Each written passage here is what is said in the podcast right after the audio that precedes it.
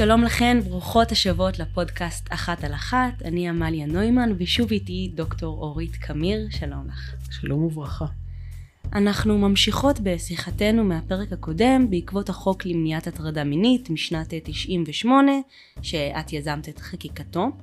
אז אה, בפרק הקודם, שאני ממליצה לכם לשמוע לפני הפרק הזה, הבנו מהי הטרדה מינית לפי החוק, קצת אה, מהי לא הטרדה מינית, דיברנו גם על אה, השפעת הרשתות החברתיות על הנושא, על הבעייתיות שלהן, שוחחנו גם על הקשר בין ההטרדה המינית לבין הפמיניזם, והיום נמשיך להעמיק בנבחי החוק למניעת הטרדה מינית, ובקשר שלו לפמיניזם, למגדר, וקצת גם על איך גברים יכולים להתמודד עם החוק הזה.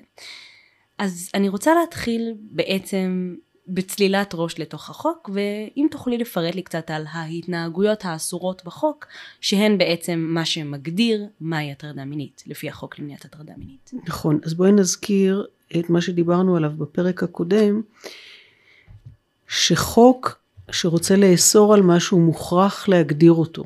Mm-hmm. חוק לא יכול להגיד אסור להטריד מינית בלי להגדיר מה זה הטרדה מינית, הוא פשוט לא יכול.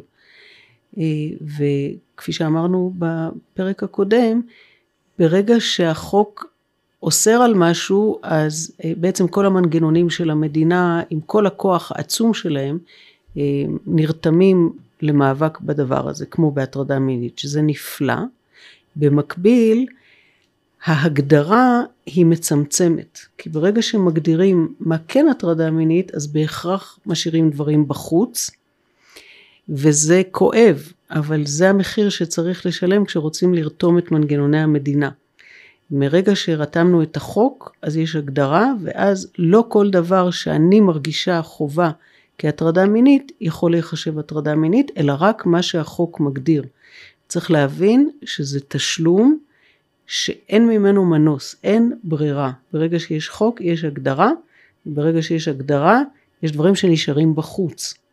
עכשיו זה נכון שבתהליך חקיקה תמיד אפשר לשנות את ההגדרה ולהרחיב אותה, מה שבאמת קרה עם החוק למניעת הטרדה מינית, mm. אבל אי אפשר לעשות את זה כל יום, חוק זה לא משהו שאפשר לשנות אותו כל רגע, זה מהלך מורכב וארוך ורציני, אה, ולכן קודם כל צריך לדעת מה כתוב בחוק עצמו. Mm-hmm. והחוק היום מונה שש התנהגויות אסורות, mm-hmm. ואני שבה ואומרת, רק הן לפי החוק מוגדרות כהטרדה מינית אסורה, וכל דבר אחר חוץ מהשש האלה, מבחינה משפטית הוא מותר. Mm-hmm. יכול להיות שהוא מטריד, יכול להיות שהוא מציק, יכול להיות שהוא לא בסדר, יכול להיות שבמקום העבודה הוא אסור. אבל מבחינת החוק, אם הוא לא אסור אז הוא מותר. Mm-hmm. ואני מקבצת את שש ההתנהגויות האסורות לשלושה זוגות כדי לנסות להקל על הזיכרון שלהם. כי מאוד מאוד חשוב לזכור את שש ההתנהגויות האלה. אם קורה לי משהו, אני דבר ראשון צריכה לשאול את עצמי, האם זה נופל לתוך אחת מהשש האלה. ואם כן, אז אני יודעת בוודאות שאני יכולה להתלונן, אני יכולה לפתוח בכל מיני הליכים, אה, ואם לא, אז אני צריכה להתמודד עם זה בדרך אחרת. זה חשוב לדעת מהם שש ההתנהגויות האסורות. אז הזוג הראשון של האיסורים, אה, זה שני דברים שמספיק שהם נעשו לי פעם אחת, או מספיק שנעשו פעם אחת, ואין בכלל שאלה אם המוטרד או המוטרדת הסכימו או לא הסכימו, זה לא רלוונטי. זה נחשב מספיק חמור, שמספיק שהם נעשו פעם אחת, בכל מקרה, בכל נסיבה, זה אסור. Mm-hmm. ושני הדברים האלה, האחד זה סחיטה מינית באיומים. Mm-hmm. כלומר, לנסות להוציא ממישהי משהו מיני, על ידי זה שמאיימים עליה, שאם היא לא תעשה את זה, היא תיפגע. אם לא תשכבי איתי אני אתן לך ציון גרוע במבחן, בדיוק. אם לא תתני לי לגעת בך אני אפטר אותך. נכון. Mm-hmm. כל סוג כן. של איום שגורם למישהו לתת משהו מיני שהוא לא רוצה לתת, mm-hmm. זה הטרדה מינית, אסורה. מספיק פעם אחת, ואין בכלל שאלה אם הצד השני הסכים או לא, לא צריך mm-hmm. להוכיח שלא הסכמתי, זה אסור, mm-hmm. תמיד, mm-hmm. נקודה.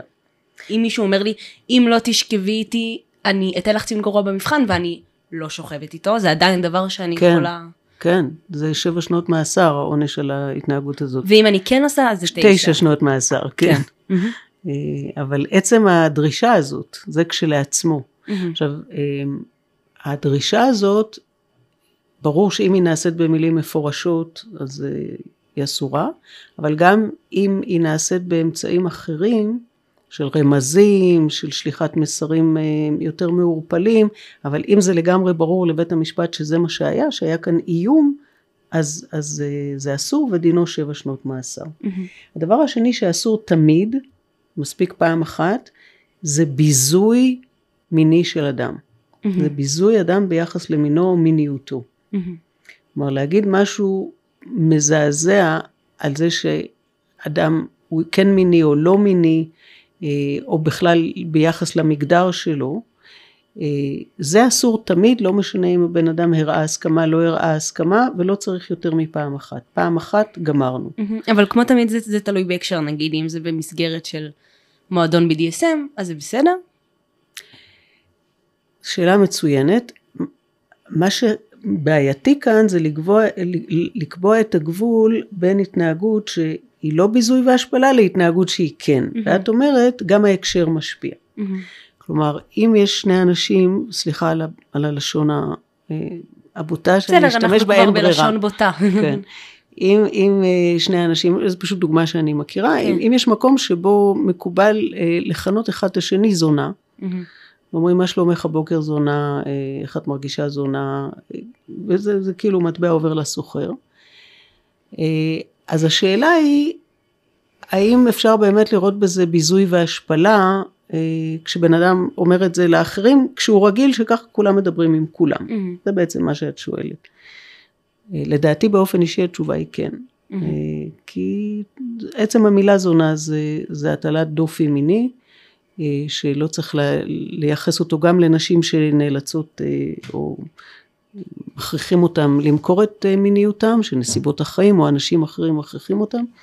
אה, זו מילה שנושאת איתה קונוטציה שלילית מאוד מאוד גדולה, ואין ספק בעניין הזה. Mm-hmm. ולכן לכנות אה, מישהי זונה, לדעתי זה ביזוי והשפלה, גם אם זה מה שמקובל במקום וכולם עושים את זה. Mm-hmm. אבל נתקלתי בתיק שבו אה, מנהל קרא לעובדת זנזונת. והיא טענה שזה ביזוי והשפלה, mm-hmm. והוא אמר, מה פתאום, זה מילת חיבה כזאת, זה צחוק. כן, ממש מילת חיבה. אוקיי, okay, אז אני מסכימה איתך, אני חושבת שזה ביזוי והשפלה, אבל זה כאן, הגבולות צריכים להיקבע, להיקבע מרגע לרגע, בית משפט הוא זה שקובע אותם כל פעם האם זה עולה עד כדי או לא. בין למשל, תיק לתיק? כלומר כן, כתקדים? כן, כן, mm-hmm. כן. אז אני אתן לך דוגמה למילה שהיא באמת לבתי המשפט לא ברור. יש כאלה שקובעים כך ויש כאלה שקוראים כך. אני יכולה לנחש. כן. כוסית? נכון. איך ידעת? אה, כי זה מדבר אליי, השאלה אם זה... כן, יפה. כי זו מילה שיוצא לי להשתמש בה, ואז אני כזה, רגע, אני לא פמיניסטית? אני, בדיוק. מותר, אני יכולה להשתמש במילה? אני לא. בדיוק. אז יש נשים פמיניסטיות, שאני בקהלן למשל, שאומרות, זה כוסית. כוסית זה להתייחס לכל האישה כאילו היא איבר מין. כאילו כל מה שהיא זה הפתח שב, שבין רגליה. Mm-hmm. ויש נשים שאומרות, נשים בעיקר יותר צעירות, שאומרות, מה זאת אומרת, זה מילת חיבה שאני גם קוראת לו כוסון והוא קורא לי כוסית, ו... אנחנו משתמשים בזה כל הזמן. אז זו שאלה גדולה, זו שאלה שצריך, החברה צריכה לקבוע את הגבול, וההכרעה כאן היא קריטית, כי היא גורמת לזה שזה כן עבירה פלילית או לא עבירה פלילית. האם אדם יכול אה, להיפתח נגדו הליך פלילי על זה, והוא להיות מובא למשטרה, ואולי אחר כך לאבד את חירותו, כן או לא. Mm-hmm. הדבר מאוד מאוד חשוב לגבי האיסור הזה של ביזוי והשפלה של אדם ביחס למינו ומיניותו, שרוב האנשים לא יודעים וזה מאוד מאוד מצער אותי, זה שזה נועד להגן על כולנו ובוודאי על להט"ב מפני ביזוי אה, בשל אה, נטייה מינית. כן, האמת שזאת הייתה שאלה ש... שחשבתי עליה, כלומר מה המשמעות של החוק למניעת הטרדה מינית בהקשר של הומופוביה, של טרנספוביה. החוק למניעת הטרדה מינית קובע משנת 98 ואילך שהומופוביה וטרנספוביה שמבוטאות במילים הן אסורות כי זו הטרדה מינית. מדהים, זה, זה, זה, זה, זה קשר אה, ממש מעורר השראה של איחוד מאבקים, שזה אני יודעת, אנחנו עוד נעשה על זה פרק מתי. וזה צריך להיות מובן מאליו, כן. שברגע, וזה לא משנה אם מי שאומרים לו יא הומו, הוא כן הומו או לא הומו. השימוש במילה הומו, כלומר בהתייחסות לנטייה מינית כביזוי, mm-hmm. זה אסור, כי זה הטרדה מינית. מה mm-hmm. זה הטרדה מינית אם לא זה? Mm-hmm. וזה משהו שאני חייבת לתת קרדיט ליעל דיין, שאני נורא פחדתי מהסעיף הזה, כי פחדתי שהוא לבד יביא להפלת החוק כולו. Mm-hmm. וחשבתי שאולי צריך להצניע את זה איכשהו, והיא אמרה בשום אופן לא. זה אחד הדגלים שלנו, אנחנו נושאות אותו בגאווה, ואנחנו נעביר את זה כמו שזה או לא נעביר בכלל, וזה הצליח למרבה המזל. אז אנשים צריכים לדעת שבמדינת ישראל הומופוביה וטרנספוביה אסורים בחוק בעבירה פלילית כי הם מוגדרים כהטרדה מינית עד מ-1998 עד עצם היום הזה. מדהים. אז אלה שני סוגי ההתנהגות שבעצם אם אתה עושה אותם פעם אחת לא משנה אם אתה מסכים או לא הם אסורים שזה אה, ביזוי והשפלה של אדם ביחס למיניותו ו, אה, סחיטה. וסחיטה מינית באיומים. ושני הזוגות הבאים. אוקיי, okay. אז אה, הזוג הבא מכיל התנהגויות שהופכות לאסורות כשאין הסכמה מהצד השני. Mm-hmm. שזה מעשה מגונה. ההגדרה של מעשה מגונה מופיעה בחוק העונשין, mm-hmm. היא מופיעה שם מאז קום המדינה. מה זה חוק העונשין? חוק העונשין זה החוק שבו מופיעות כל העבירות הפליליות. Mm-hmm. דברים שכשעושים אותם צריך לפנות למשטרה ולנהל הליך פלילי. Okay. אוקיי. עכשיו, החוק למניעת הטרדה מינית קבע כמה עבירות פליליות חדשות, אבל גם לקח שתי עבירות שהיו קודם בחוק העונשין והגדיר אותם כהטרדה מינית. אחת מהן זה מעשה מגונה. מעשה מגונה מוגדר בחוק העונשין כמעשה שנעשה, מעשה מיני, באיזה מובן הוא מיני? שהוא נועד לבזות את האדם השני או לספק את עצמי מינית, להביא את עצמי לסיפוק מיני כשהוא לא מסכים לזה. Mm-hmm. בדרך כלל טפיחה על הטוסיק זה לא באמת ביזוי מיני של האדם השני וזה לא באמת להביא את עצמי לסיפוקי אה, על חשבונו, אלא אם כן זה נעשה בנסיבות שבהן ברור שזה העניין, אבל טפיחה על הטוסיק זה דבר שאנחנו עושים אחד לשני ברחוב גם סתם אה, אה, כ- כאקט אה, סחבקי או לא יודעת מה, זה, זה, זה לא נחשב בחברה שלנו, יכול להיות שיש חברות שבהן זה נורא ואיום, בחברה שלנו פחות. Mm-hmm. אז לא כל דבר הוא מעשה מגונה. קיצור, mm-hmm. צריך לבדוק, נגיעה על היד זה לא מעשה מגונה, mm-hmm. אוקיי? תפיסה של, אה, של איבר מין, זה בלי ספק נועד או לבזות את השני מינית או לעורר את עצמי מינית, ואם הוא לא הסכים לזה אז, אז זה מעשה מגונה וזה אסור, mm-hmm. כי זה הטרדה מינית. Mm-hmm. אז בעצם אנחנו מדברים עכשיו על מעשים שרק בלי הסכמה הם אסורים. אז מה המעשה השני? השני זה הפצת סרטון שבו אדם נראה בתנוחה מינית שעלולה להיחשב מבזה, mm-hmm. והוא לא הסכים לזה. Mm-hmm. זה נועד וזה הוסף לחוק אחרי שהוא נחקק. כשהחוק נחקק לא היו סרטונים, לא היה כן. טלפון חכם ולא היה שום דבר כזה, אבל אחר כך, בעיקר מה שהתחיל לקרות, זה שילדים אה, מסריטים את עצמם בשעת אקט מיני, mm-hmm. אה, הרבה פעמים בלי שבת הזוג נגיד יודעת. ואז בלי לשאול אותה אם היא מסכימה או לא, שולחים את זה לכל השכבה, לכל הבית ספר, לכל העולם. כן. וזה הטרדה מינית וזה אסור. Mm-hmm. אם היא אומרת סבבה על הכיפאק, אני מתה שכולם יראו אותי בתנוחה הזאת, mm-hmm. זה לא אסור. Mm-hmm. אני הייתי מציעה לכל בחורה לחשוב פעמיים לפני שהיא אומרת סבבה שכל העולם יראה אותי, כי יכול להיות שהיא תצטער על זה אחר כך ויהיה מאוחר מדי. Mm-hmm. אבל החוק מרשה לה לבחור. Mm-hmm. אם היא בוחרת שהיא רוצה באמת הסכמה חופשית, אז זה לא אסור. אבל אם היא לא הסכימה הסכמה חופשית זה אסור. Mm-hmm. אז אמרנו שאסור להפיץ אה, סרטונים בלי הסכמה ואסור לעשות מעשים מיניים בלי הסכמה. אבל השאלה המתבקשת, מהי הסכמה?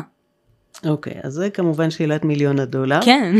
והיא לא חדשה לחוק למניעת הטרדה מינית, אנחנו מכירות אותה מהעיסוק של אלפי שנים לא כל כך אלפי שנים, אבל עיסוק בעבירת האונס. מה זה הסכמה? Mm-hmm. בחוק שלנו הסכמה זה צריך להיות חופשי. כלומר, בלי לחצים, mm-hmm. בלי איומים, mm-hmm. בלי פחד. הסכמה באמת ממקום של את חפצה בזה. כן, דבר שאני שמעתי עליו רק בשנים האחרונות זה באמת ההבדלה הזאת בין הסכמה לרצון. כלומר, אם מישהו משכנע אותי להסכים, זה לא הסכמה. כן, אבל יכול לקרות שמישהו ישכנע אותך ואת תשתכנעי ובאמת תרצי, זה יכול לקרות. אז איך מבדילים בין שכנוע נורא שהוא... קשה. זה פשוט קשה, זה פשוט זה קשה. מורכב. כן, אין מה לעשות. Mm-hmm. תראי, מי שמתלוננת על הטרדה מינית, כולל מתלונן, mm-hmm. צריכים קודם כל לבדוק את זה עם עצמם. Mm-hmm. האם הסכמתי או לא הסכמתי. אמ, אבל... ואז אבל... לשכנע את בית המשפט בעמדה שהם בטוחים בה. זה נשמע לי אבל שוב נשמע לי חוויה נורא מורכבת, כי מצד אחד אני יכולה להסכים ואני יכולה לרצות. ואז בדיעבד אני חושבת על זה שזה בעצם היה בסוג כזה או אחר של כפייה. הבעיות שבדרך כלל מגיעות בפני בית משפט, זה כשמישהי אומרת, גם באונס אבל גם בהטרדה מינית. כן. כשמישהי אומרת לא, לא, לא, לא, לא, לא, לא, מהמם. והוא אומר, בסדר, היא אמרה לא, אבל אני לא הבנתי שהיא לא מסכימה, אני חשבתי שהיא פשוט אה, מתביישת, או רוצה שאני אנסה יותר חזק, או דברים כאלה. כן, כמאמר השיר כשאת אומרת לא. בדיוק, בדיוק. ואז המשפט שלנו כבר למד להגיד לו מצטערים. כשאומרים לך לא, אתה צריך להניח שאין הסכמה, אבל- זהו. אבל אם אני אומרת כן, ואחר כך אני אומרת, אני ממש ממש לא רציתי להגיד כן, זה יהיה לי הרבה יותר קשה עד בלתי אפשרי לתבוע. לא רק שיהיה לך קשה עד בלתי אפשרי לתבוע, אני הולכת להגיד משהו שאנשים עלולים להרים גבה. אני חושבת שאנחנו צריכות לקחת אחריות על מה שיוצא לנו מהפה. כן. אם אמרתי כן, אני לא יכולה לצפות מהצד השני להבין שאולי אני בעצם לא הייתי סגורה על עצמי עד הסוף, ואולי זה היה רק חצי כן וחצי לא, ואחר כך זה בעצם הפך ללא. מהמם, הוא לא יכול לנחש, אני לא יכולה להטיל עליו את זה, מהמם, זה עליי. אני צריכה להחליט כן, כן, לא, לא. מהמם. וזה אומר אולי לא להגיד כן מהר, אה, אולי לקחת את הזמן ולראות אם אני מרגישה כן או לא. מהמם. בכל דבר בחיים אגב, לא רק בסקס. כן. אה, כי אנחנו, מה זה המהפכה הפמיניסטית? אנחנו טוענות שאנחנו יצורים אנושיים מלאים, שאנחנו סובייקטים אוטונומיים, שאנחנו בוחרות וצריך להתייחס ברצינות לבחירה שלנו. אז אני לא יכולה להגיד, נא להתייחס ברצינות לבחירה שלי, אבל אם אני אומרת כן, לפעמים התכוונתי ללא. זה לא עובד. מהמם, אני צריכה לגדול למקום שבו אם יוצא לי מהפה כן, מהמם. אז, אז זה כן, אני עומדת מאחוריו. כן, פה אנחנו, אנחנו נכנסות לשאלה יותר גדולה לדעתי. שזה בעצם כשהאישה מפנימה את הפטריארכיה. אמ, שזה מה שקורה לכולנו, אמ, בעולם הפטריארכלי שלנו, והתשובה לזה במילה אחת זה חינוך. נכון, בדיוק. אנחנו צריכות, אין לנו ברירה, אנחנו צריכות לחנך את עצמנו ואת הנשים האחרות סביבנו, אה, לקחת אחריות על מה שאנחנו אומרות ולהגיד רק מה שאנחנו באמת בטוחות שאנחנו מרגישות. מהמם. ואם יתחלק לנו כן שלא התכוונו, אני לא חושבת שיש מישהו שיכול אחר כך להציל אותנו מזה. כן, אנחנו, שוב, אנחנו קצת גולשות, אבל נגלוש לרגע, מותר לנו לעצור אקט באמצע. בלי ספק. שזה, אז שלא יהיה שום ספק. כן, ז, ז, זאת אם אחת ה- אמרת כן, ו- ומתחיל איזשהו אקט שיכול אחר כך להיות אה, אונס או יכול להיות הטרדה מינית, לא משנה, כלומר עם כניסה לגוף או בלי כניסה לגוף, כן. לא משנה. אה, ו- ושנייה אחרי זה החלטת שאת לא רוצה את זה ואת אומרת לא, זה לא, כן, אין שום ספק, אבל את צריכה להיות מסוגלת להוציא מהפה את הלא, נכון. שזה ועל זה קשה. צריך לעבוד. נכון. זה, זה עלינו, זה עבודה שלנו. נכון. אנחנו צריכות לחנך את עצמנו, ואימהות צריכות לחנך את הבנות, וחברות צריכות לעזור לחברות, ללמוד, א', לדעת בוודאות מה אנחנו באמת רוצות, וב', להגיד את זה, לא לשתוק. מהמם. כי אנחנו לא יכולות לצפה, לצפות שמישהו אחר יבין יותר טוב מאיתנו מה אנחנו מתכוונות. כי אם זה ככה, אז אין מנוס מגם לכבד את זה שהוא אומר כן, היא אמרה לא, אבל אני ידעתי שהיא מתכוונת לכן. כן. אוקיי, נמשיך, אה, אז בעצם דיברנו עכשיו קצת על מהי הסכמה בהקשר של שני איסורים על פעולות שאסור לעשות רק במקרה שאין הסכמה מפורשת, ונדבר עכשיו על אה, הזוג האחרון. הזוג האחרון הוא זה שאני חושבת שגורם לאנשים הכי הרבה בלבול. אה, הוא באמת יותר מורכב, והוא באמת משהו שלא היה אסור אף פעם קודם, וכנראה גם לא אסור בשום מקום אחר בעולם, מהמם. אה, ולכן יצא עליו הרבה קצף של אנשים שפחדו ממנו, וזה אומר הצעות מיניות, וח- הצעות מיניות חוזרות ונשנות, מהמם. כלומר רבות, מהמם. אחרי שבן אדם הראה שהוא לא מעוניין בזה, מהמם. או תוך ניצול יחסי מרות. מהמם.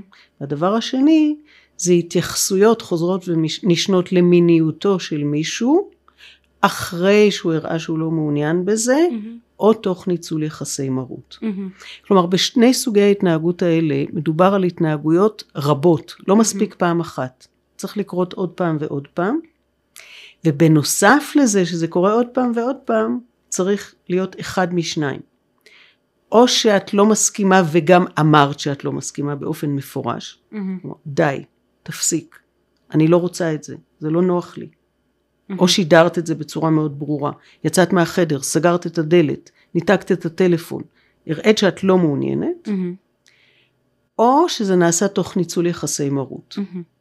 כלומר, אם אה, המרצה שלך באוניברסיטה חוזר ומתייחס למיניות שלך, ואומר כמה את סקסית, וכמה את מדליקה אותו, וכמה את, אה, אי אפשר לעמוד בפנייך, שוב ושוב ושוב, החוק לא מצפה ממך להגיד לו די תפסיק אני לא רוצה את זה כי זה ברור שיש כאן יחסי מרות ויש כאן יראה מפניו mm-hmm. אז צריכים להתקיים שני הדברים שהוא חזר ואמר את זה שוב ושוב mm-hmm. ושיש ניצול יחסי מרות. אוקיי okay, אבל אם הוא מצ... אם פעם אחת המרצה שלי אומר וואו את נראית ממש טוב היום. פעם אחת זה לא התייחסויות חוזרות ונשנות mm-hmm. אף פעם mm-hmm. ואת נראית ממש טוב היום, זה גם שאלה האם זו התייחסות, התייחסות למיניותו של אדם. אוקיי, okay, אם המרצה שלי אומר לי, פעם אחת, בואנה הייתי מת לזיין אותך. מכיוון שזה פעם אחת, אז mm-hmm. אנחנו כבר יודעות שזה לא התייחסויות חוזרות ונשנות. ואז נשאלת השאלה, לפי מה שדיברנו קודם, mm-hmm. האם זה עולה כדי ביזוי והשפלה של אדם בשל מינו ומיניותו. Mm-hmm. אפשר לטעון שכשמרצה אומר לסטודנטית, את בעיניי חומר לזיון mm-hmm. ולא יצור אנושי אה, עם אינטלקט ורגש שאני באתי עכשיו לעזור לו לגדול ולהתפתח, אפשר לראות בזה ביזוי והשפלה. Mm-hmm. לחילופין, וזה מאוד חשוב, נגיד שבית משפט לא יחשוב שזה ביזוי והשפלה. האם זה אומר שזה בסדר? לא. Mm-hmm. זה לא בסדר. Mm-hmm. אבל זה לא בסדר לפי הכללים של האוניברסיטאות. Mm-hmm. זה, זה התנהגות לא הולמת, mm-hmm. שאסור למרצה להתנהג, mm-hmm. ואפשר להתלונן עליו, אבל זה לא יידון כהטרדה מינית, זה יידון כהתנהגות לא הולמת. אוקיי, okay, אוקיי. Okay. כלומר, לא כל דבר הוא הטרדה מינית, אבל גם לא כל דבר מותר. Mm-hmm. יש דברים שהם אסורים לפי קודים אחרים. Mm-hmm. עכשיו, עד שהיה החוק למניעת הטרדה מינית, גם לא היו כל הקודים האסורים האלה. Mm-hmm. החוק הכריח את האוניברסיטאות להפנים ולהכניס לתוך התקנונים שלהם את הוראות החוק עצמן, ובאותה הזדמנות, בגלל לחץ של סטודנטיות ולפעמים גם מרצות, האוניברסיטאות הרחיבו את זה וקבעו גם כללים נוספים מעבר לחוק. Mm-hmm. כי זה בשום צורה לא לגיטימי שמרצה יגיד לסטודנטית, זה בשום צורה לא לגיטימי, mm-hmm. שהוא יגיד לה, אני מת לזיין אותך. זה פוגע בכבוד האדם וחבל שלה. זה מערער לחלוטין את היכולת שלה לסמוך עליו כמרצה mm-hmm. ולסמוך על עצמה כמי שיכולה ללמוד ממנו, mm-hmm. וזה הורס את, את היחסים שאמורים להיות ביניהם לחלוטין. Mm-hmm. זה לא נופל לתוך הקטגוריות שהחוק קבע, mm-hmm. ולכן יש מסגרת אחרת שאוסרת את זה, שזה תקנון המשמעת. Mm-hmm. וזה אסור בתור התנהגות לא הולמת לפי תקנון המשמעת של האוניברסיטה. אז נגיד וזיהיתי את אחת ההתנהגויות האלה, ואני רוצה לעשות עם זה משהו שזה כבר דבר שהוא לא מובן מאליו, אז מה המסלולים שאני יכולה לפנות אליהם כדי לעשות משהו עם זה? אז החוק פותח שלושה מסלולים, כלומר שניים בפני כל מצב של הטרדה מינית, והשלישי כשזה קורה במסגרת יחסי עבודה. המסלול הראשון שכולם מכירים זה לפנות למשטרה ולפתוח בהליך פלילי, mm-hmm. שאמור אה, לעבור חקירת משטרה, ואם יש מספיק ראיות, להגיע לתביעה פלילית, האשמה פלילית של אדם, שזה הליך שצריך להוכיח בו מעל לכל ספק סביר שמה שאני טוענת באמת קרה, mm-hmm. ואם מוכרע ש, שזה קרה ושזה באמת מכונן התנהגות אסורה, אז הוא יורשע. יורשע ויוטל עליו עונש. Mm-hmm. העונש יכול להיות קנס, או יכול להיות אה, מעשים אה, לתועלת הציבור, או יכול להיות כלא. כלומר, עונש זה דבר מאוד מאוד חמור. המסלול השני שפתוח בפני כולנו, זה תביעה אזרחית. תביעה... מה, מה זאת אומרת פתוח בפני כולנו? כלומר המסלול הפלילי לא פתוח כן, בפני כן, כולנו? כן, הוא כן פתוח בפני 아, כולנו. אוקיי, אוקיי. השלישי שנגיע אליו, אליו עוד רגע לא פתוח בפני כולנו. אוקיי. אבל שני הראשונים כן. אוקיי. אז תביעה אזרחית זה תביעת נזיקין. זה בעצם אומר אני לא רוצה, אני לא רוצה את כל ההליך המשטרתי, אני לא רוצה שיעשו לי חקירה משטרתית, אני רוצה שהוא יפצה אותי. הוא דיבר נורא ואיום, אני רוצה שהוא ישלם 100 אלף שקל. אני רוצה על זה פיצוי. פיצוי זה תמיד כלכלי. כן, פיצוי זה כספי. אה, אבל הכסף מגלם את, ה, את הערך שנפגע. לא, אני לא, אני הבן אדם האחרון שאזלזל בכסף, סתם תהיתי אם יש עוד אפשרויות. זה מה שיש לנו, לפיס. אני מסכימה כן. איתך שזה זה לא הכי טוב שיכול להיות, אבל זה מה שיש. כן. למשפט כפי שהוא היום, זה מה שיש לו. כן. אה, ואז את תובעת פיצויים, את תובעת לפי הליך נזיקי, את שוכרת עורכת דין, את מגישה תביעה, ואת שוב, את צריכה להוכיח כמובן שמה שקרה קרה, אבל בתביעה אזרחית לא צריך להוכיח מעל לכל ספק סביר, mm-hmm. צריך להוכיח שב-51 אחוז. כלומר, שיש סיכוי של יותר מ-51% אחוז שהמקרה הזה קרה, ובמקרה של הדין הפלילי, אני צריכה להוכיח מעל 95% אחוז נכון שהאירוע הזה נכון, קרה. נכון, אבל במקרה הפלילי את לא צריכה בעצם לעשות את זה בעצמך, אלא המשטרה והפרקליטות אמורות לעשות את זה. כלומר, מי שתובע בשמך זה המדינה. נכון מאוד, ובמקרה האזרחי, את את והעורכת דין שלך צריכות להוכיח מעל 50 אחוז. כן, מעל 51 אחוז. כן. עכשיו, מה שהחוק נותן, שזה גם כן היה חידוש ומהפכה שהחוק הזה עשה, זה שאת יכולה לדרוש פיצויים ללא הוכחת נזק. כן, כלומר, אני לא צריכה להגיד שאני הלכתי לפסיכולוג, נכון. אני לא נכון. צריכה להוכיח שלקחתי תרופות, אני לא צריכה להוכיח שהלכתי לבית חולים, נכון. כדי... לא צריכה להוכיח שהפסדת ימי. עבודה, כן. ש... שנחרטה לך רגל, או כל דבר אחר. Mm-hmm. ברגע שאת מוכיחה מעל 50 אחוז, שבאמת הייתה התרחשות שמוגדרת בחוק כהטרדה מינית אסורה, החוק אומר, זה כשלעצמו נזק. זה שוב, זה מהפכה פמיניסטית ממש, של החוק, אוקיי? כן. זה שינוי החקיקה בצורה פמיניסטית, כדי להגדיר שעצם זה שחווית הטרדה מינית זה נזק. Mm-hmm. גם אם הוא לא מתגלם בשום דבר חיצוני שהעולם יודע לספור אותו. כן. ועל זה את יכולה לקבל פיצוי בלי להוכיח שום דבר. עכשיו, אם בנוסף לזה, הפסדת ימי עבודה, הלכת לפסיכיאטר, שילמת המון כסף על תרופות, מה שזה לא יהיה. ובנוסף לזה את יכולה לתבוע את הנזק הזה. כלומר אני אקבל כסף גם על ההטרדה המינית בפני... נכון. ב, בעת, מעצם זה שהיא הטרדה מינית וגם אני אקבל כסף על אותן תרופות אותו פסיכיאטר. נכון. ועכשיו אנחנו נדבר על uh, המסלול הזה של לפתוח בדין במקום העבודה שזה נכון. בעצם שלושת כמו שדיברנו על זה בפרק הקודם נזכיר בקצרה שזה דבר מדהים ויוצא דופן שניתן לפתוח בשלושה הליכים שונים שיש לך אופציות מרובות אה, ושזה בעצם מהפך פמיניסטי נכון. שעשה החוק. ולמה זה מהפך פמיניסטי? קודם כל כי זה שובר את המחיצות, שהמחיצות זה להגיד זה פלילי וזה לא אזרחי, זה אזרחי וזה לא פלילי. קרה לך אונס, את רק הולכת למשטרה, את לא מקבלת על זה פיצויים. כלומר, המשפט קטלג את הדברים, הפמיניזם אומר הקטלוג הזה הוא לא מתאים לנשים. אבל מעבר לזה, המטרה של פריצת ההגבלות כאן, המחיצות האלה, זה כדי לעודד נשים להתלונן על הטרדה מינית, וזה בעצם נועד להגיד להם, יש לך שלוש אפשרויות, תבחרי מה שהכי מתאים לך. Mm-hmm. מתאים לך ללכת למשטרה, לכי למשטרה. את לא רוצה משטרה, את רוצה עורכת דין פרטית, לכי על זה. Mm-hmm. זה קרה במקום העבודה, את רוצה להתלונן במקום העבודה, לכי על זה. אף אחד לא יחליט בשבילך, החוק לא מחליט בשבילך, את מחליטה בשבילך, העיקר שתתלונני. כן. אז המסלול השלישי פתוח רק בפני מי שההטרדה המינית קרתה להם במסגרת יחסי עבודה. Mm-hmm. כלומר אם אני יושבת ברכבת ומישהו בא ותופס את איבר מיני אה, או מישהו מציע לי הצעות מיניות חוזרות ונשנות על חוף הים אחרי שאמרתי לו די כבר אני לא יכולה לפנות להליך של מקום העבודה זה ברור אבל הרבה מאוד הטרדות מיניות שאנשים, שנשים ואנשים רוצים להתלונן עליהן קורות במקום העבודה Mm-hmm. עכשיו, האם במקום העבודה קורות יותר הטרדות מיניות מאשר במקומות אחרים?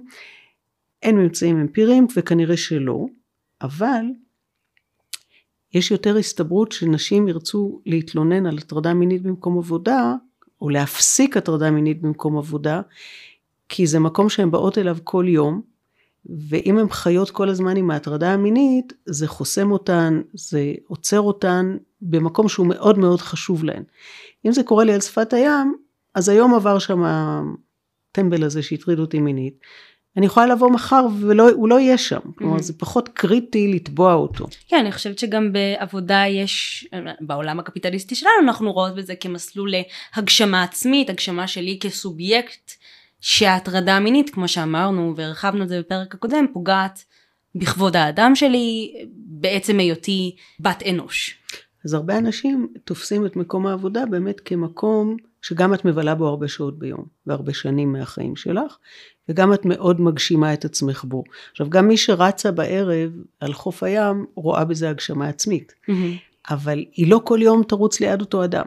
Mm-hmm. מדי פעם תיתקל במישהו שיגיד לה מילה מיותרת, אה, ויכול להיות שהיא תתבע אותו, אבל המוטיבציה שלה יותר קטנה, כי מחר היא תרוץ הוא לא יהיה שם, ובמקום העבודה את באה כל יום את נתקלת באותו אדם. כן, ואולי דבר אחד שהוא כל כך מובן מאליו שלא אמרנו אותו, זה מקור הפרנסה שלך. כן. ולהטרדה מינית במקום העבודה פוגעת גם במקור הפרנסה נכון, שלך. ואם אוקיי, אז... את לא יכולה לבוא ואת חושבת פעמיים האם להגיע לעבודה, זה נזק מוחשי מאוד מאוד ברור, אולי להרבה אנשים זה יותר ברור מאשר הנזק של אז אל תרוצי על חוף הים. כן.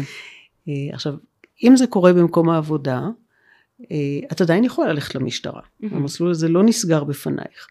אבל החוק פונח, פותח בפנייך מסלול נוסף, הוא מחייב את המעביד למנות בכל מקום עבודה מישהי שאחראית על יישום החוק למניעת הטרדה מינית, ואת יכולה להתלונן בפניה. Mm-hmm. היא חייבת לבדוק את התלונה שלך, ואם היא מוצאת שיש בסיס כלשהו, היא חייבת להעביר את ההמלצות שלה למעסיק עצמו, למעביד. כלומר שזה יכול להיות אה, הנהלה שלמה וזה יכול להיות אה, מנהל של חנות פלאפל, זה לא משנה, או מנהלת של חנות פלאפל או חנות נעליים, זה לא משנה. היא תעביר את התלונה למי שאחראי, והוא, אם יש לו הליך משמעתי, הוא יפנה את זה להליך משמעתי. ואם לא, הוא חייב לקבל החלטה מה הוא עושה עם ההמלצות של הממונה. Mm-hmm. כלומר, זה בעצם הליך מעין משפטי, הליך משמעתי, שקורה במקום העבודה עצמו, בלי צורך להגיע לבית המשפט או למשטרה. Mm-hmm. הרבה מאוד נשים מעדיפות את המסלול הזה, כי הוא יותר נגיש, הוא אה, לא מחייב אותן אה, לשנים ארוכות של התדיינות משפטית ופלישה של משטרה לחיים שלך, והרבה פעמים כל מה שהן רוצות זה שיגידו למטריד הזה שיפסיק להטריד, כלומר mm-hmm. שפשוט יעמידו אותו על מקומו, mm-hmm. או ירחיקו אותו ממנה, או אולי אפילו יפטרו אותו. אבל הן לא רוצות שמישהו ילך לכלא, הן לא רוצות אה, פיצוי של אה, מאות אלפי שקלים, הן פשוט רוצות שזה יפסיק. Mm-hmm. אז הרבה נשים חושבות שההליך בתוך עולם העבודה הוא המתאים ביותר. מצד שני, יש נשים שלא רוצות את המסלול הזה כי הן לא סומכות על המעסיק. Mm-hmm. כי הן מפחדות שהממונה תפחד לטפל בזה כמו שצריך. ואז החוק אומר להן, אוקיי, אתן יכולות ללכת למשטרה. זה, זה לגמרי עדיין בידיים שלכם. Mm-hmm. אתן לא חייבות ללכת למעסיק, אתן יכולות ללכת למשטרה. ודבר נוסף שאת יכולה לעשות, זה ללכת לבית הדין לעבודה. Mm-hmm. עכשיו, לבית הדין לעבודה עדיף מאוד להגיע אחרי שהתלוננת אצל המעסיק, אבל אם התלוננת אצל המעסיק ולא קיבלת מענה שלפי החוק את זכאית לו, את יכולה לתבוע בבית הדין לעבודה, שזה הליך תביעה הרבה יותר קל מאשר בכל ערכאה משפטית אחרת, ואת יכולה לטעון שהמעביד לא עמד בחובותיו על פי החוק, ולקבל סעד מבית הדין לעבודה. אז בעצם מנינו עכשיו שלושה מסלולים שאני יכולה לפנות אליהם אם, אני, אם הוטרדתי מינית לפי החוק, אבל אנחנו יודעות על הרבה מקרים שנשים הוטרדו מינית לפי החוק והן לא רוצות לעשות משהו עם זה. הן מפחדות, הן מפחדות מהחקירה, הן מפחדות מהכתם הציבורי שיותח בהן, לא משנה אם הן צודקות או לא. האם יש חוקים, לא בהכרח בחוק למניעת הטרדה מינית, אבל חוקים משלימים, שמגינים על המתלוננות? אז קודם כל בואי נאמר, וזה חשוב שזה ייאמר, שמי שלא רוצה להתלונן, זו זכותה לא להתלונן. Mm-hmm.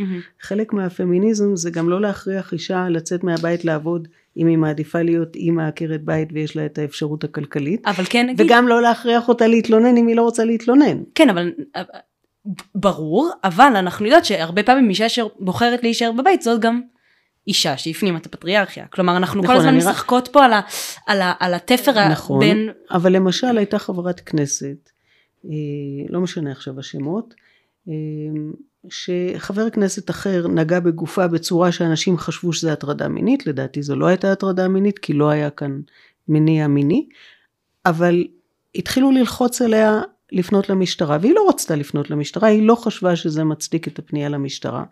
ועשו עליה עליהום ציבורי, איך את מעיזה לא להתלונן? וזה פסול לחלוטין. Mm-hmm. הרי כל הרעיון הוא להעצים אותה. כל הרעיון הוא לחזק אותה כסובייקט אוטונומי. אני, שהיא כי... תחליט אם היא רוצה או לא רוצה. כן, אני מסכימה, אבל כמו שאמרתי, יש פה ייצוג פרטי של uh, חוויה כללית, ואנחנו אומרות שאת אולי כנבחרת ציבור צריכה לפעול באופן שמתייחס לכך שאת מייצגת איזושהי תופעה רחבה ואת בהתנהגות שלך גם מדגימה מה אפשר לעשות שאולי יש לך אחריות כנבחרת ציבור אבל שוב פעם אנחנו משחקות על התפר הדק נכון. בין, אה, בין פטרנליזם נכון. להפנמת הפטריארכיה נכון. מתי אנחנו משחררות נשים כי אנחנו רוצות לשחרר אותן ומתי אנחנו כופות עליהן להשתחרר. נכון מאוד. ומי רוצה, שוב זה שאלות גדולות. אה. אז אה, אה, אני יודעת הכלל הבסיסי ש... הוא לא מאוד עוזר, אבל אני משתמשת בו, זה, זה לגמרי מוצדק להיות פט, פטרנליסטיות או מטרנליסטיות ולהכריח נשים שתהיה להן הזכות, אבל זה סימן שאלה מאוד גדול, האם זה לגיטימי להכריח אותן להשתמש בזכות. כלומר, אני לא מוכנה שאישה תגיד לי, עליי לא יחולו כל מיני כללים כי אני לא רוצה את הזכויות האלה. לא, זה לא בא בחשבון. יהיו לך הזכויות האלה כי אולי מחר תשני את דעתך ותרצי אותן. אה, אבל האם בפועל להשתמש? כלומר יש משהו בעצם נתינת הזכות לדוגמה במה שעשית בחוק למניעת הטרדה מינית שגם מעורר את הרצון לנצל את הזכות הזאת. כלומר נכון. אולי שתגיד אני לא לא לא אני לא צריכה אבל אם תתני לה יש סיכוי שהיא תשתמש. נכון עכשיו זה יכול להיות שזה יישמע לך ממש מוזר בתור אישה צעירה, ואני אשמח אם זה יישמע לך מוזר. אבל כשנחקק החוק למניעת הטרדה מינית, אני הותקפתי מכל הכיוונים, אבל גם מפמיניסטיות. Mm-hmm. שאמרו, אנחנו לא רוצות את הזכויות האלה שאת אה, מכריחה אותנו לקבל. עשית לנו נזק עם זה, כי זה מקטין אותנו, זה מחליש אותנו, זה מעמיד אותנו במצב כאילו אנחנו לא יכולות להתמודד בכוחות עצמנו עם הדברים האלה, mm-hmm. זה יוצר לנו דימוי של נשים מוחלשות, mm-hmm. ולא, אנחנו נשים חזקות, אם מישהו מטריד אותי, אני מעיפה לו סטירה, אני מעיפה כן. אותו קיבינימט. אני לא רוצה את הזכות הזאת, כן. אוקיי? עכשיו, אני, מהפמיניזם שלי, אני חושבת שחייבים לתת את הזכות הזאת לכל אישה ולכל גבר, כי יש המון נשים שזקוקות לה. ואם את באופן אישי לא זקוקה, אשרייך, אבל אני לא אפגע באישה אחרת בגלל שאת טוענת שאת לא זקוקה. את לא זקוקה, אל תשתמשי, אני לא אכריח אותך לתבוע. Mm-hmm. אבל את הזכות את תקבלי, כי אי אפשר לתת זכות בחוק רק לנשים שמוכנות להגדיר את עצמן כזקוקות לה. אוקיי. Okay. אז uh, נחזור לשאלה שלנו. הפלגנו. כן. לא, זו הפלגה מצוינת וחשובה. אז נחזור בעצם השאלה, מה, איך המשפט מגן על המתלוננת. אוקיי, okay, מה עושה המשפט כדי לעודד נשים? אז, אז דיברנו על זה שהחוק עצמו מעודד אותן על ידי פתיחת הרבה uh, דלתות, אבל יש חוקים נוספים שחלים על החוק הזה. Mm-hmm. כלומר, החוק למניעת הטרדה מינית הכיל על מתלוננות על הטרדה מינית הוראות שקיימות בחוקים אחרים, שלמשל, כשמתלוננת נותנת עדות במשטרה או בבית משפט, אסור לחקור אותה על עברה המיני. Mm-hmm. מאוד חשוב לדעת את זה. כלומר, יכולות להיות נסיבות יוצאות דופן, אה, שבהן בית משפט יתיר את זה, אבל ככלל אסור לחקור מתלוננת על עבירת מין, על עבר מין, מיני שלה. Mm-hmm. כדי שבשום פנים ואופן אי אפשר יהיה להגיד עליה, אה, היא לא אמינה בטענה של ההטרדה המינית כי היא כבר שכבה עם חמישה גברים קודם ואנחנו נביא את חמשת הגברים האלה. Mm-hmm. לא בא בחשבון, mm-hmm. לא רוצים לשמוע את זה. אין קשר בין התלונה שלה עכשיו על הטרדה מינית לבין כמה אנשים היא כן בחרה לשכב איתם בעבר, אוקיי? Mm-hmm. Okay? אז זה דבר מאוד מאוד חשוב. דבר שני זה שאפשר לחקור מתלוננת על הטרדה מינית כמו מתלוננת על אונס ללא נוכחות הנאשם. Mm-hmm. שזה נשמע אולי דבר קטן אבל זה דבר ענק, כי יש בזה בעצם צמצום מאוד גדול של זכויות הנאשם, mm-hmm. מתוך הכרה בזה שמי שטוענת שהיא נפגעה מינית, וגם מי שטוען שהוא נפגע מינית, בין אם זה אונס ובין אם זה הטרדה מינית, אה, הם טוענים שהאימה שלהם מפני התוקף שלהם היא כל כך גדולה, שהם לא באמת יכולים לתת עדות מלאה בנוכחותו. Mm-hmm. זה פשוט משבש את היכולות שלהם. Mm-hmm. המשפט החליט להכיר בזה. Mm-hmm. זה צעד אדיר לקראת נפגעי ונפגעות תקיפה מינית, אה, כי זה מחליש את יכולתו של הנאשם אה, לעשות את מה שהחוק מרשה לו, כל חוק מרשה לו לעשות, שזה להילחם על חפותו על ידי ערעור של המתלוננים נגדו. Mm-hmm. אז, אז אני שבה ואומרת, יש נסיבות שבהן בית המשפט יתיר חקירה של המתלוננת בחדר נפרד, mm-hmm. שהנאשם לא נמצא שם מול העיניים שלה. Mm-hmm. זה, שזו אה, אה, זכות ענקית. אה, והזכות השלישית היא לגבי פרסום שם של מתלוננת. Mm-hmm. יש איסור מוחלט בחוק העונשין לפרסם שם של מי שהתלוננה על הטרדה מינית, אה, וזה נועד להגן על הפרטיות שלה, אה, על היכולת שלה לבחור להתלונן, בלי בהכרח שיתחייב מזה שכל העולם ידע, שההורים שלה ידעו, שהילדים שלה ידעו, שבן הזוג שלה ידע, שידעו אנשים שהיא לא רוצה שידעו. יש אולי משהו שהוא טיפה מצלצל לי בעייתי בסעיף הזה, כי מה שזה אומר, באופן מובלע, זה שעברת הטרדה מינית. זה משהו ש... שזה בסדר. זה משהו ש... שאפשר להתבייש בו. זה משהו שאת אמורה. להתבייש בו. ויש באמת אה, אה, קורבנות של אונס ופגיעה מינית שנלחמות על זכותן לפרסם את שמן, בדיוק בטיעון שאת אומרת. בטיעון שאומר, אני לא מתביישת ואל תגנו עליי כאילו אני צריכה להתבייש. רגע, אבל אם האישה רוצה לפרסם את שמה, אסור לה? היום אסור לאמצעי תקשורת לפרסם את שמה, אה, אלא אם כן בית המשפט אישר את זה. Mm-hmm. אם זה לא הגיע לבית המשפט, אז אסור לפרסם את זה גם אם היא רוצה, שזה באמת פטרנליזם חזק מאוד. שוב, פטרנל, כאילו, זה, זה שאלה. נכון, אה, נכון. כי מצד אחד אנחנו רוצות לגונן אה, כדי שאישה לא תיפגע, מצד שני אנחנו בשום אופן לא רוצות לגונן עליה יותר ממה שהיא רוצה להיות מוגנת. כן. ואני חושבת שבנקודה הזאת יש מקום לחידוד ההוראה המשפטית ו... והליכה לקראת, אה, לקראת מתלוננות על פגיעות מיניות ש... שרוצות את היכולת אה, לחשוף את עצמן. Mm-hmm. זה ברור שבטווח ארוך אנחנו לא רוצות שאף אחת תתבייש ואף אחד יתבייש זה שמישהו אחר נהג בהם אה, בצורה נפשעת ופגע כן. בכבוד האדם שלהם. אבל צריך גם לקחת בחשבון את המציאות הקיימת, שבמציאות כפי שהיא היום, אנשים אחרים יתייחסו אליהם רע אם ידעו עליהם את זה. אז אנחנו שוב הולכים בין הטיפות, אנחנו רוצים להתחשב במציאות הקיימת בלי להנציח אותה. כן. אז לפני שנמשיך הלאה אני רוצה להזכיר עוד uh, התנהגות אחת אסורה um, שאנחנו בדרך כלל לא חושבים עליה שזה התנכלות בעקבות uh, הטרדה מינית שבמקרים מסוימים העונש על התנכלות בעקבות תלונה על הטרדה מינית אפילו גבוה יותר מהעונש על ההטרדה המינית עצמה. למה התנכלות יותר חמורה לפעמים מהטרדה מינית? שאלה מצוינת, אבל בואי נלך טיפה צעד אחורה, כי. את, את, את אמרת בצדק רוב האנשים לא יודעים שהאיסור הזה קיים והנה גם אני מניתי שש התנהגויות אסורות ולא הזכרתי את ההתנהגות השביעית האסורה mm-hmm. שהיא מאוד מאוד חשובה. ההת, ההתנהגות האסורה השביעית לפי החוק למניעת הטרדה מינית זה התנכלות שנולדה עקב הטרדה מינית או עקב תלונה עליה. זאת אומרת נגיד שמישהי הוטרדה מינית באופן שמישהו הציע לה הצעות מיניות חוזרות ונשנות והיא אה, לא הסכימה והוא המשיך להטריד אותה וזה סוג ההטרדה.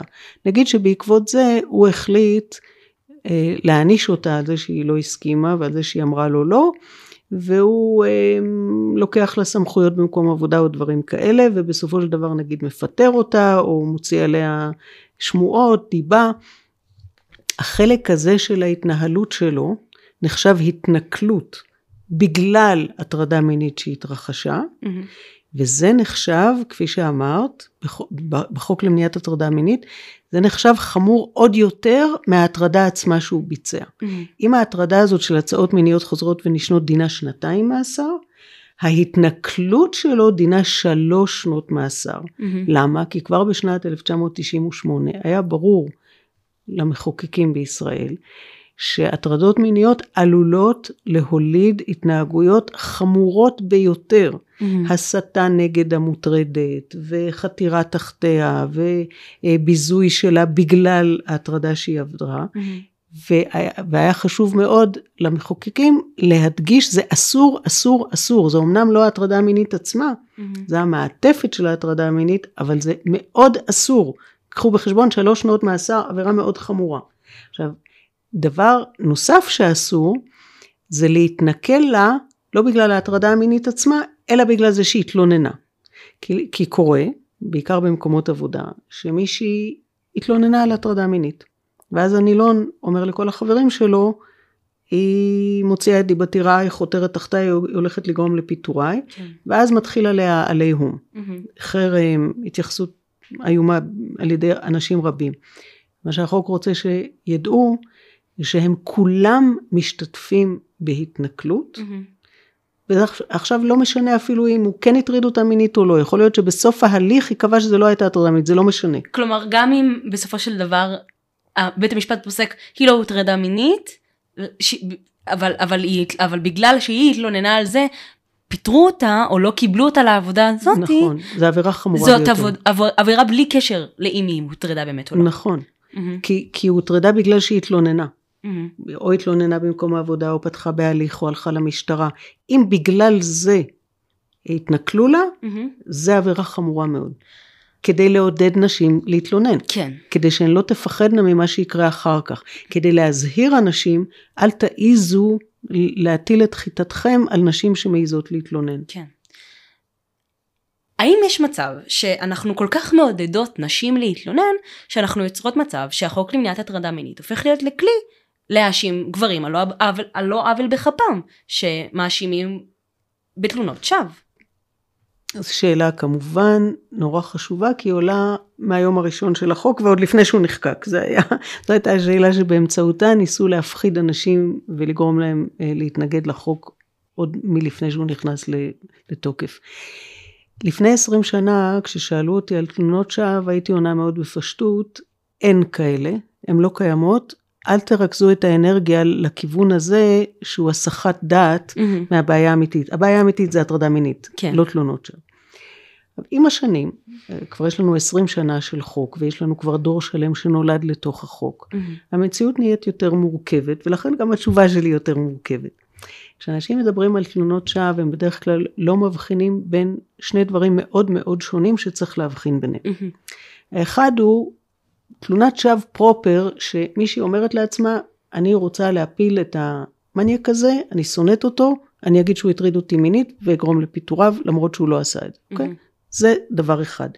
דבר אחר לגמרי, אבל הרבה יותר נפוץ, זה שמישהי חובה שהיא מוטרדת מינית, בטוחה שזה הטרדה מינית, mm-hmm. לפי החוק זה לא הטרדה מינית, אבל היא משוכנעת שכן, ואז היא מתלוננת עליו, mm-hmm.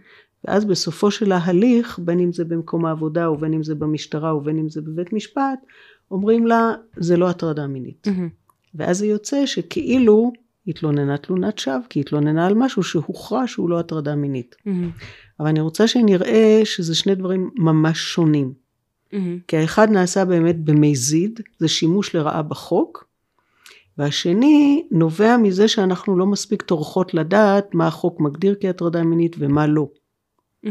ואנחנו מתלוננות על דברים שאילו פתחנו את החוק ובדקנו אותם, היינו רואות שזה אכן הטריד אותי, אבל החוק לא אוסר על זה. Mm-hmm. אז קודם כל אני מאוד מאוד ממליצה לדעת מה כתוב בחוק, לא בגלל שזה תורה למשה מסיני, אלא כי זה מה שמגדיר את הגבולות של מה שהמשפט יכול לטפל בו, לבין מה שהמשפט לא יכול לטפל בו. כן, אבל כמו שאמרנו מקודם, יש אה, נגיד ואני מרגישה מוטרדת מינית באוניברסיטה יכול להיות שיש נכון, משהו שהאוניברסיטה אוסרת נכון, שהחוק אה, מתיר. נכון.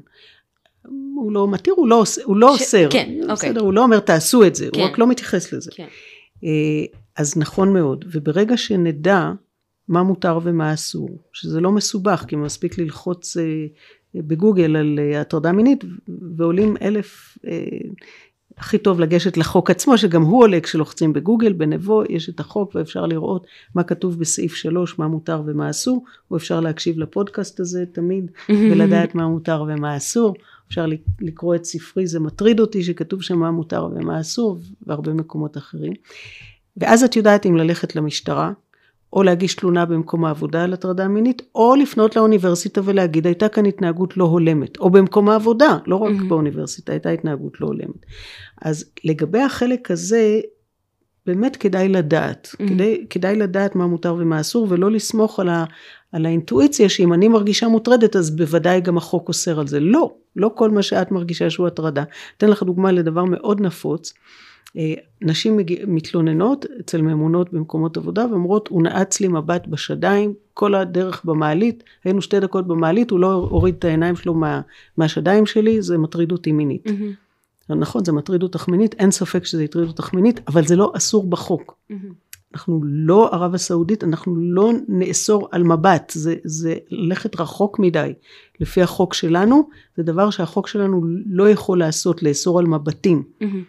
אז זה לא אסור, אבל יכול להיות שזו התנהגות לא הולמת. אז אם זה קורה לי, מה אני אמורה לעשות? אז אחד משניים, אם את רוצה להתלונן על התנהגות לא הולמת, תתנהג, תתלונני על התנהגות לא הולמת, תדעי שזה לא הטרדה מינית לפי החוק. Mm-hmm. דבר שני, תפתחי את האסרטיביות הנדרשת, כדי להגיד לו, אתה מוכן להסב את העיניים שלך לכפתורים, או ללמוד להסתכל באוויר, או פשוט להגיד לו, זה לא נעים לי איך שאתה מסתכל עליי. ואם הוא שב ומסתכל עליי אחרי שאמרתי לו פעם ועוד פעם ועוד פעם, אז זה ייחשב כהטרדה מינית? לא, זה לעולם לא. לא ייחשב על פי החוק כהטרדה מינית, okay. אוקיי. החוק לא אוסר על מבטים. Mm-hmm. זה מאוד מסוכן שהחוק יאסור על מבטים. כן, כן. כי לכי אחר כך תפרשי, כי הוא, כן. הוא יגיד, לא, אני הסתכלתי 20 שניות, והיא תגיד, לא, 45 שניות, נו, ואיפה נקבע את הגבול, מתי מבט הופך... בקיצור, החוק שלנו לא אוסר על מבטים, mm-hmm. לדעתי טוב שכך, ו... תשמעי, אין מה לעשות, אנחנו חיים בין אנשים שלא תמיד מתנהגים יפה. כן. ולפעמים מתנהגים גם באופן סקסיסטי, ואנחנו צריכות ללמוד להתמודד עם זה, כל אחת בדרכה. Mm-hmm. אז הדברים האלה הן מתחת לרף של החוק וצריך לדעת את זה. Mm-hmm. עכשיו לגבי המקרים של מישהי אה, מנהלת עם מישהו רומן, וכבר קרו ב-20 שנה האלה קרו, לא הרבה אבל קרה. מנהלת עם מישהו רומן, מפחדת שבן הזוג שלה יגלה, ואומרת הוא הטריד אותי מינית. Mm-hmm. לצערי הרב יש כמה מקרים כאלה. Mm-hmm. ספורים אבל. ספורים, למיטב ידיעתי ספורים. כן. אני קשה לספור אותם, כן. אבל לבתי המשפט כבר הגיעו מקרים כאלה, mm-hmm. וגם להליכי טיפול אחרים. צריך להוקיע את זה בכל דרך. זה ניצול לרעה של החוק. Mm-hmm. זה ניצול לרעה של המאבק הפמיניסטי. Mm-hmm. זה פגיעה בכולנו. זה דבר נורא ואיום. Mm-hmm. אם אני שומעת חברה שלי אומרת, אה, כן, אני מפחדת שבן הזוג שלי יגלה, אני הולכת להאשים אותו בהטרדה מינית, להגיד לה, אל תעשי את זה. Mm-hmm. אל תעשי את זה, זו התנהגות אנוכית שפוגעת בכולנו. זה לא רק mm-hmm. ניצול לרעה של שלטון החוק, שזה נורא ואיום. Mm-hmm. זה גם ניצול לרעה של המאבק הפמיניסטי וחתירה נגדו. Mm-hmm. ושלא לדבר על זה כמובן שזה העללה על מישהו ש, שלא עבר על החוק, זה נורא ואיום. Mm-hmm. זה, זה, זה ראוי לכל גינוי, אין לי שום אה, מילה טובה להגיד על אישה שתבחר לעשות כזה דבר, או גבר, וכולנו צריכים להילחם נגד זה. אז בעצם לפני 20 שנה, לא, אם מישהו נגע בי באופן שהיה נראה לי לא לעניין, לא ידעתי איך לקרוא לזה, והאם זה מותר או אסור. היום ברור לי שאם מישהו נוגע בי, זה אסור בתכלית האיסור. אבל אני מתחיל, אבל, אבל היום מתחילות להתעורר בעיות חדשות, דברים שהחוק לא אוסר. האם את חושבת שביום מן הימים החוק יאסור על הסגברה, על, על, על דברים נוספים שעולים היום? אז אני חושבת שמה שאנחנו צריכות, קודם כל לשמוח על זה שסף הרגישות שלנו מאוד מאוד עלה. Mm-hmm. זה הישג פנומנלי. Mm-hmm. זה פשוט, זה מהפכה, זה נפלא. כן. היום, כמו שאמרת, כשמישהו יעשה לך משהו שמנוי בחוק כהטרדה מינית, אין לך ספק שאסור לו לעשות את זה. ואת כבר הרבה מעבר לזה, כן. כי זה בסך הכל קרה ב-22 שנה, זה, זה, זה מהפכה ענקית, mm-hmm. זה לשמוח על זה. אבל מה שאנחנו צריכות להכיר בו, זה שהחוק הוא, הוא כלי מוגבל ומצומצם, mm-hmm. הוא בשום תחום של החיים לא יכול לפתור הכל. מה שהחוק נועד לעשות זה לפתור את ההארדקור, את הדברים הכי חמורים, להגדיר מה הכי חמור, ואז ליצור את האדוות האלה, שכל השאר ייפתרו בכלים חברתיים. Mm-hmm. הכלים החברתיים צריכים להיות שאנחנו כולנו נתייחס לבן אדם שמתנהג ככה כאל בן אדם שאנחנו לא רוצים להיות בחברתו, לא רוצים לעבוד אצלו, לא רוצים אה, לבוא למסעדה שהוא מנהל, אנחנו פשוט נגאלים מההתנהגות החברתית שלו, אנחנו אומרים לו את זה, אנחנו לא עוברים על זה בשתיקה, אנחנו לא צוחקים על זה, אנחנו פשוט רואים בזה התנהגות אה, שלילית ומכוערת. כן. ובשביל להגיע למקום הזה, אנחנו צריכות אה, לא לשתוק ולא לא לצפות שהחוק יוכל לפתור הכל כי הוא לא יכול לפתור הכל, הוא פשוט לא יכול, mm-hmm. הוא לא נועד לזה והוא לא מסוגל, אלא להמשיך בתהליך הדיבור והחינוך של הסביבה שלנו. זה לא נוח לי, זה לא נעים לי, זה פוגע בי, זה מקטין אותי, ולכן זה שלילי, זה חמור, כולכם צריכים להצטרף ל... ליצירת הנורמה החברתית שזה לא יקרה. כן. טוב, אז uh, סיימנו להיום את הדיון שלנו בחוק למניעת הטרדה מינית. דיברנו גם בפרק הקודם וגם היום על החוק עצמו, היום פירטנו יותר באמת על ההתנהגויות האסורות, על איך מגנים על המתלוננות, על הפחד מתלונת שווא ועל סוגים שונים של תלונות שווא. אני מאוד מאוד מודה לך, דוקטור אורית קמיר. ואני מודה לכן, המאזינות והמאזינים, אני מקווה שנהנתן, שלמדתן, אתן מוזמנות uh, ליצור איתי קשר כמו תמיד בפייסבוק, מוזמנות לשתף את הפרק, לשלוח למי שאתן חושבות שיעניין אותה או אותו. תודה שוב, ונתראה בפרק הבא.